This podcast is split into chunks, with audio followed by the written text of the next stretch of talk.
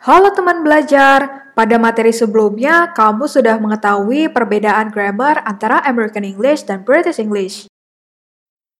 Pada materi kali ini, teman belajar akan mengetahui perbedaan American dan British English dari segi ejaan atau spelling.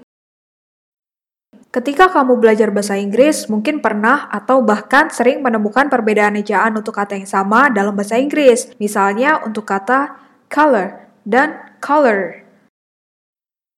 Kamu tidak perlu khawatir, tidak ada yang salah akan hal itu. Semua berawal di awal abad ke-18, di mana bahasa Inggris ejaannya belum distandarisasi.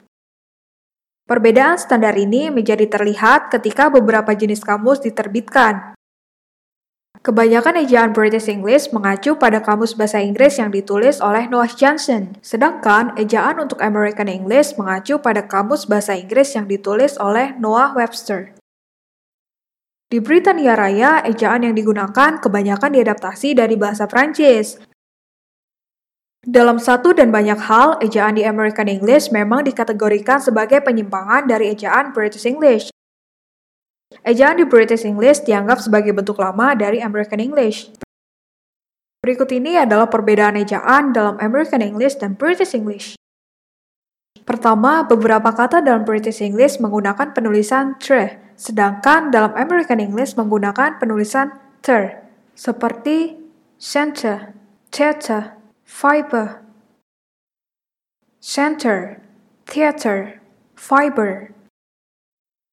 Kedua, dalam British English, pada kata tertentu berakhiran L selalu digandakan, sedangkan dalam American English itu tidak perlu. Contohnya seperti kata travel jika past tense-nya menjadi travel.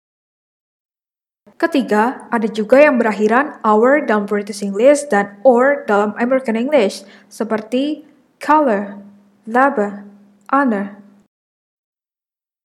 Color, labor, honor. Keempat, demikian juga pada akhiran og dalam British English dan akhiran og dalam American English. Contohnya dalam kata analog dan catalog. Kelima, pada kata-kata tertentu terdapat kata kerja yang berakhiran is dan is dalam British English, sedangkan dalam penulisan American English tetap menggunakan akhiran is. Contohnya dalam kata realize, organize, realize, organize.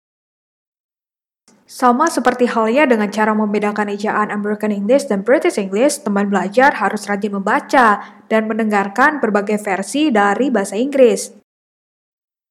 Hal ini selain dapat membantu kamu dalam mengingat pola kalimat dan tata bahasa, tapi juga dapat membantu kamu mengidentifikasi aksen dan dialek sehingga kamu tidak terlalu bingung ketika mendengar atau membaca bahasa Inggris yang berbeda. Membiasakan diri dengan berbagai dialek dan aksen bahasa Inggris sangat baik untuk belajar bahasa Inggris. Apalagi kalau teman belajar kursus bahasa Inggris online. Kemungkinan mendengar bahasa Inggris dengan penutur asing tentu rasanya akan berbeda dengan les bahasa Inggris di dekat rumah dengan guru lokal. Thank you and see you teman belajar.